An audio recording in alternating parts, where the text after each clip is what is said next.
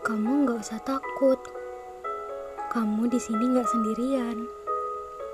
Aku ada di sini. Kalau kamu ada masalah, cerita ya sama aku. Jangan diem aja. Kasihan nanti hati sama otak kamu, karena harus nyimpen beban sendiri.